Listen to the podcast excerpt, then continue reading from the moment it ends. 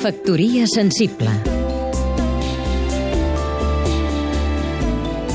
Rafel Vallbona, escriptor i periodista Celebro que a la seva festa anual els promotors i mànagers catalans homenatgin el 40è aniversari de Celeste i l'Ona Laietana.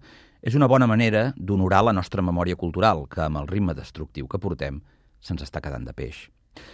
No sé si aquell 23 de maig de 1973, en obrir per primer cop les cortines vermelles de la sala del carrer Argenteria, en Víctor Jou va pensar que el seu local seria protagonista d'un trencament rotund i provocador amb la dictadura, un posicionament de radicalitat democràtica i modernitat que cap altre sector de la Catalunya de l'època va saber fer amb tanta força i projecció com el de la cultura jove. Entre músiques en permanent fusió, que això no és d'ara, begudes aquarèl·liques i altres coses que no venen al cas, una generació va despertar a la llibertat cultural i de costums, tot i no tenir cap garantia política. Aprenent agrupades el sentit vital del jazz, el rock, la rumba, les drogues, la sexualitat o la poesia, molts joves de l'època van entendre que ni el règim els portaria mai la llibertat ni l'havien de mendicar, i van decidir agafar-la i dur-la a la pràctica, i Celeste en va ser un nucli agitador.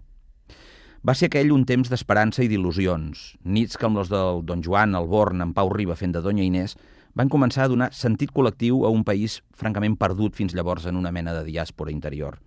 Ara, després de dècades de reforma, pactes i peixos al cova, ja no ens queda ni il·lusió ni esma. I de les nits passades al Celeste, només la memòria tendra del que van ser i la nostàlgia del país que no ha estat. Factoria sensible